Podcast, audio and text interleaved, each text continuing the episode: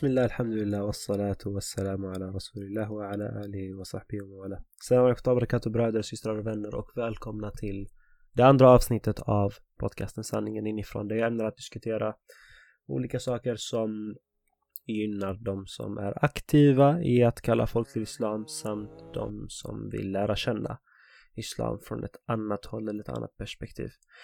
I detta avsnitt tänkte jag diskutera bland annat objektiv moral och varför detta är ett tecken på Guds existens, varför detta visar tydligt att Gud existerar. Med detta argument så visas det att på grund av befintligheten av moral och morala sanningar, alltså det som vi naturligt känner till är moraliskt fel eller moraliskt rätt, saker vi bör göra eller saker vi bör undvika, så tyder det klart och tydligt att Gud existerar. Men först och främst så måste vi diskutera objektiv moral. Och då är frågan vad ses som objektivt? Objektivt betyder helt enkelt att det är självständigt från mänsklig partiskhet då människan har en begränsad kunskap. En objektiv sanning ses som en sanning vare sig en konsensus, alltså överenskommelse, finns eller inte. Bortom människans begränsade tanke alltså. Representativt till fakta utan någon påverkan av personliga känslor eller åsikter. Okej, okay, så nu må det förekomma innan vi nu hoppar in i objektiv moral och eh, vad som ska definieras som objektiv moral och vidare så må det förekomma hos vissa att moral inte alls är objektiv. Det vill säga att eh, man inte tror på just det här konceptet av objektiv moral och att det istället råder subjektiv moral. Det är alltså en idé som bland annat populariserats av eh, Friedrich Nietzsche en författare till bland annat boken Beyond Good and Evil och det, han populariserade idén i form av moralisk relativism. Alltså betyder det helt enkelt att godhet och ondska är relativt. Det är beroende på det samhället eller den individen i fråga. Det vill säga att det som är det som jag tycker är gott kan en annan person tycka vara ont. Eh, någon kanske kan tycka att eh, våldtäkt är acceptabelt men i ett annat samhälle så är det oacceptabelt och så vidare. Så om man nu insisterar på den här världsbilden så finns det något väldigt viktigt att tänka på. Detta implicerar alltså att man bör acceptera alla moraliska tolkningar på rätt och fel. Att vi eventuellt måste acceptera våldtäkt, pedofili, imperialism och med mera. Vilket i sig leder till en alltså, ostruktur, en obalans i samhället.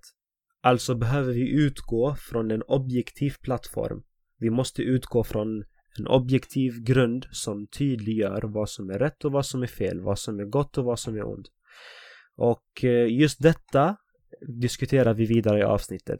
Det är alltså just den här objektiviteten, så vilken, vilken objektivitet går vi utifrån och eh, varför utgår vi just från denna objektivitet? Helt enkelt.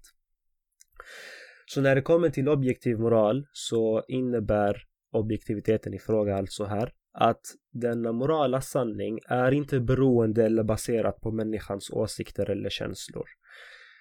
Och ett exempel på denna självständighet fastän det inte har någonting med moral att göra, det är matematiska sanningar. De är objektiva för att de är objektiva. That's it. De är inte beroende på människans åsikter eller känslor. Och det är just med tanke på att människan är begränsad. Människans åsikter och känslor är helt enkelt begränsade.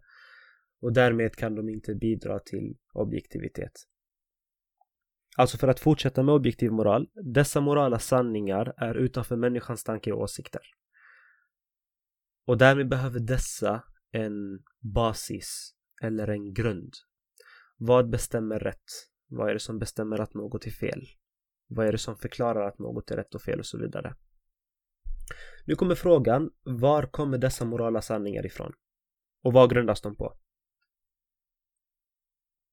Det enda sättet att förklara detta är att objektiv moral grundar sig på en unik källa.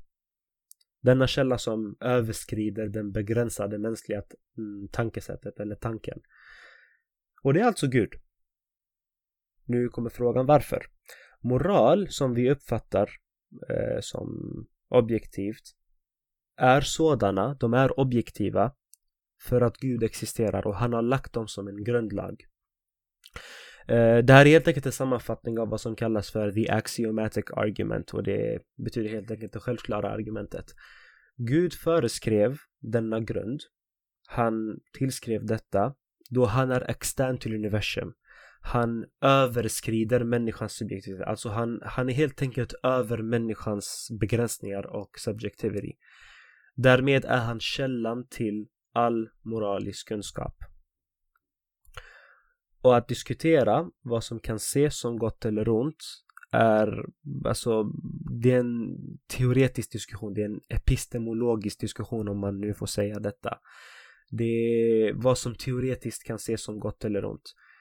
Ehm, men även om den här diskussionen finns, även om man kan diskutera i evigheter vad, hur man ska definiera gott, hur man ska definiera ont. Visst, dessa diskussioner må man ha men eh, vilket det än är så försvinner inte objektiviteten.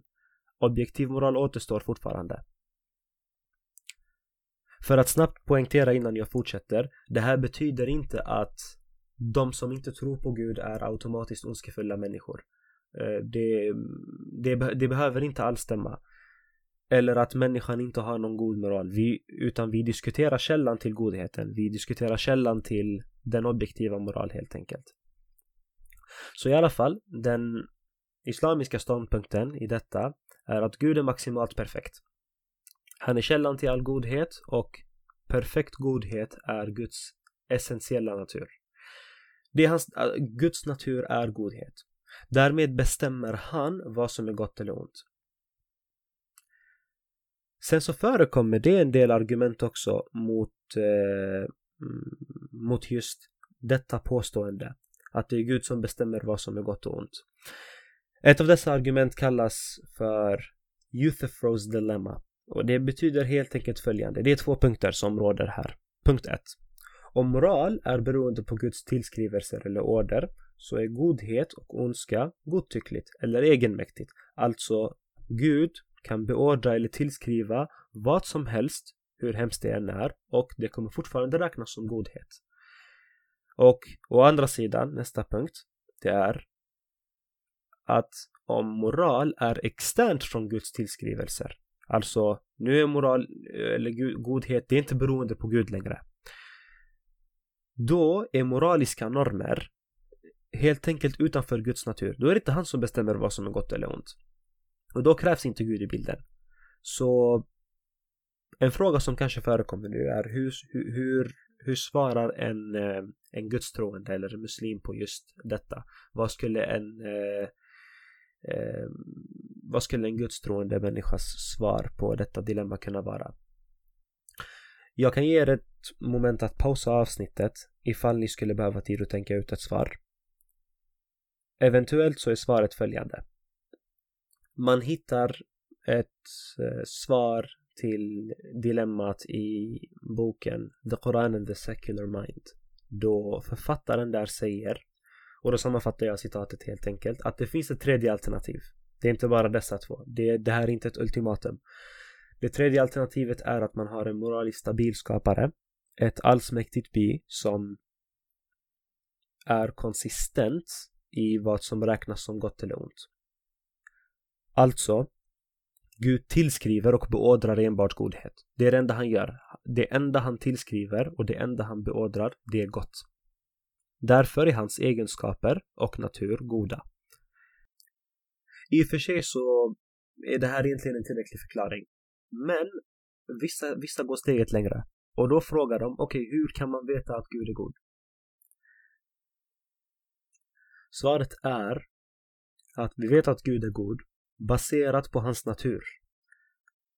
Han är den enda sanna beslutstagaren till vad som är gott och vad som är ont. Och han är källan till godhet. Han är maximalt perfekt och den enda som förtjänar all vår dyrkan. Och det är helt enkelt för att han överskrider universums begränsningar och människans begränsningar och alla begränsningar egentligen.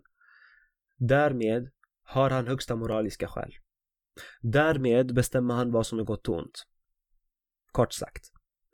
Självklart så finns det de som motsäger sig idén om eh, som vi sa tidigare, de som motsäger sig att objektiv moral finns och om inte det så motsätter de att Gud är källan till objektiv moral.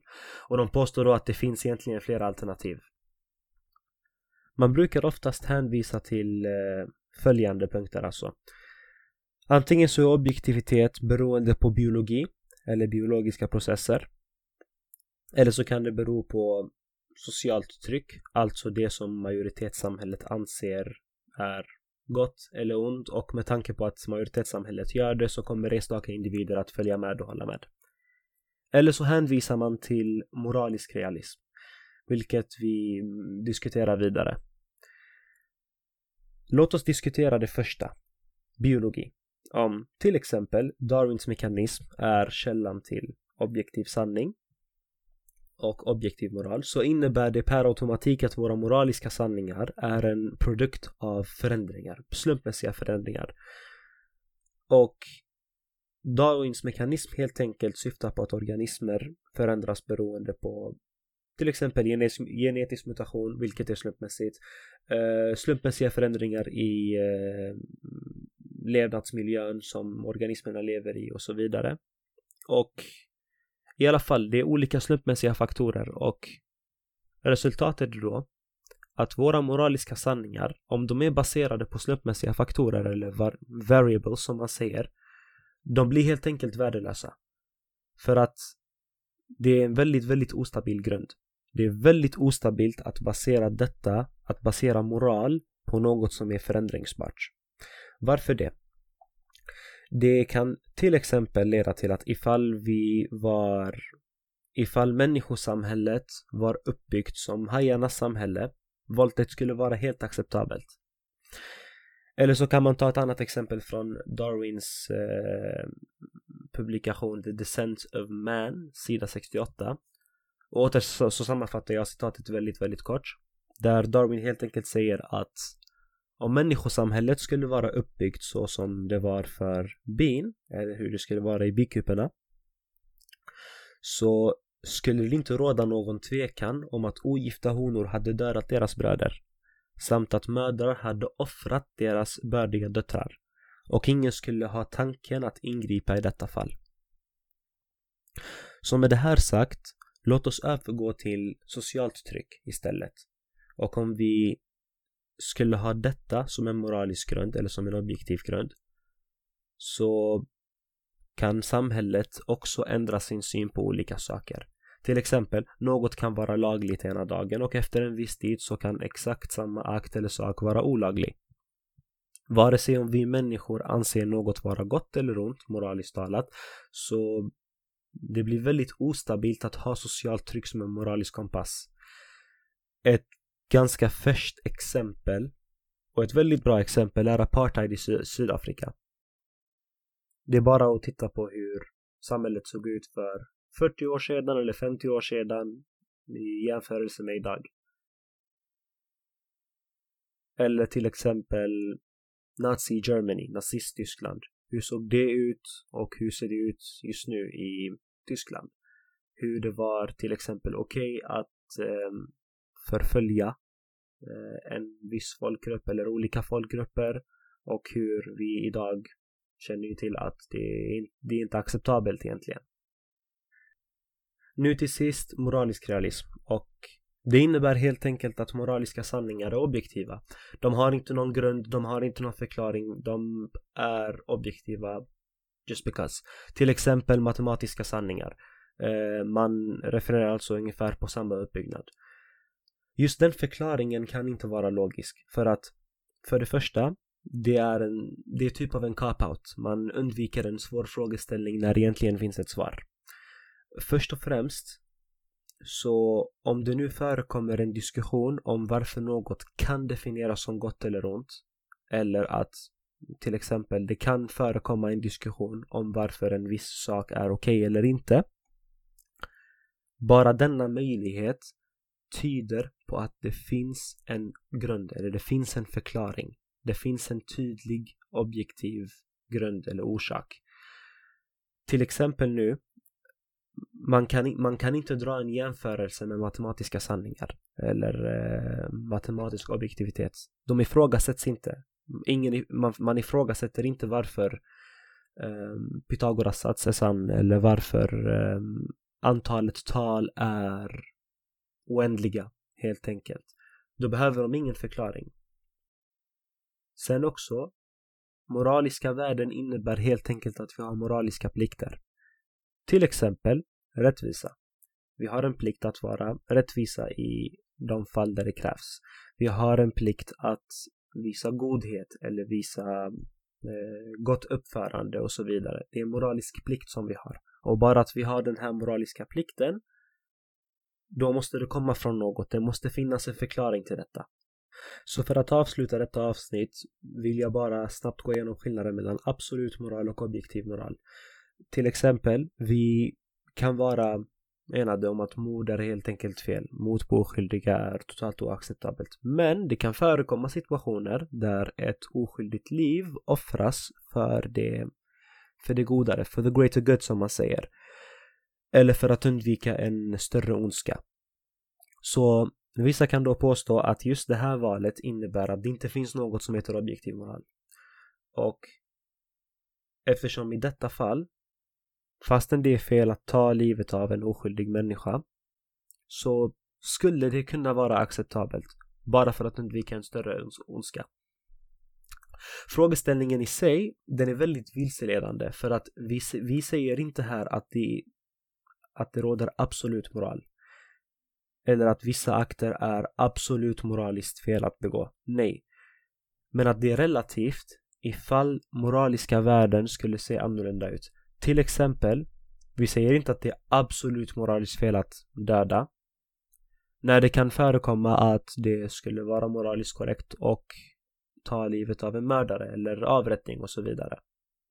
Och kort innan vi avslutar, det blir väldigt problematiskt när man inte tror på objektiv moral. Men samtidigt kritiserar till exempel islam.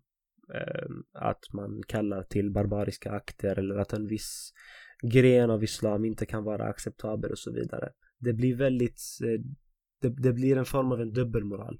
Det är ett svärd som skär åt båda håll. För den personen tror inte på objektiv moral.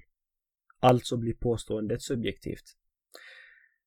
Och det är sådana problem egentligen som uppstår när man förnekar sin skapare. Det och följer andra moraliska kompasser helt enkelt. Man sakta men säkert dras bort från vad som är rätt. Man, man vet helt, det, det blir helt enkelt oklart om vad som ska definieras som rätt eller fel. Och det är egentligen så som alla säger i Koranen i kapitel 59, vers 19. Var inte som de som glömmer Gud och som han låter glömma själens välfärd. Det är de som har förhärdat sig i synd och trots. Och därmed med detta tackar jag för er tid. Jazakumullah khair. Wassalamu alaikum wa rahmatullahi wa barakatuh.